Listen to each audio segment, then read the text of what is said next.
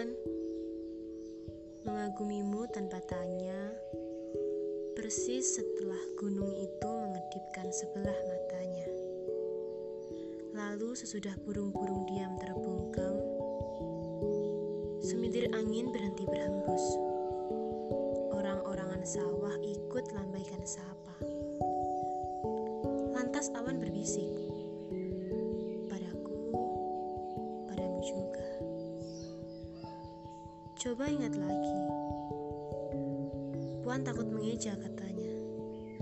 Puan payah tulis syair. Puan mana yang berimu secarik aksara, bahkan tanpa rasa. Coba tebak lagi. Puan sedang tidak berbual.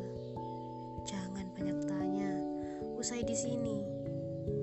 Lalu langit pucat, pasi, pergi begitu saja.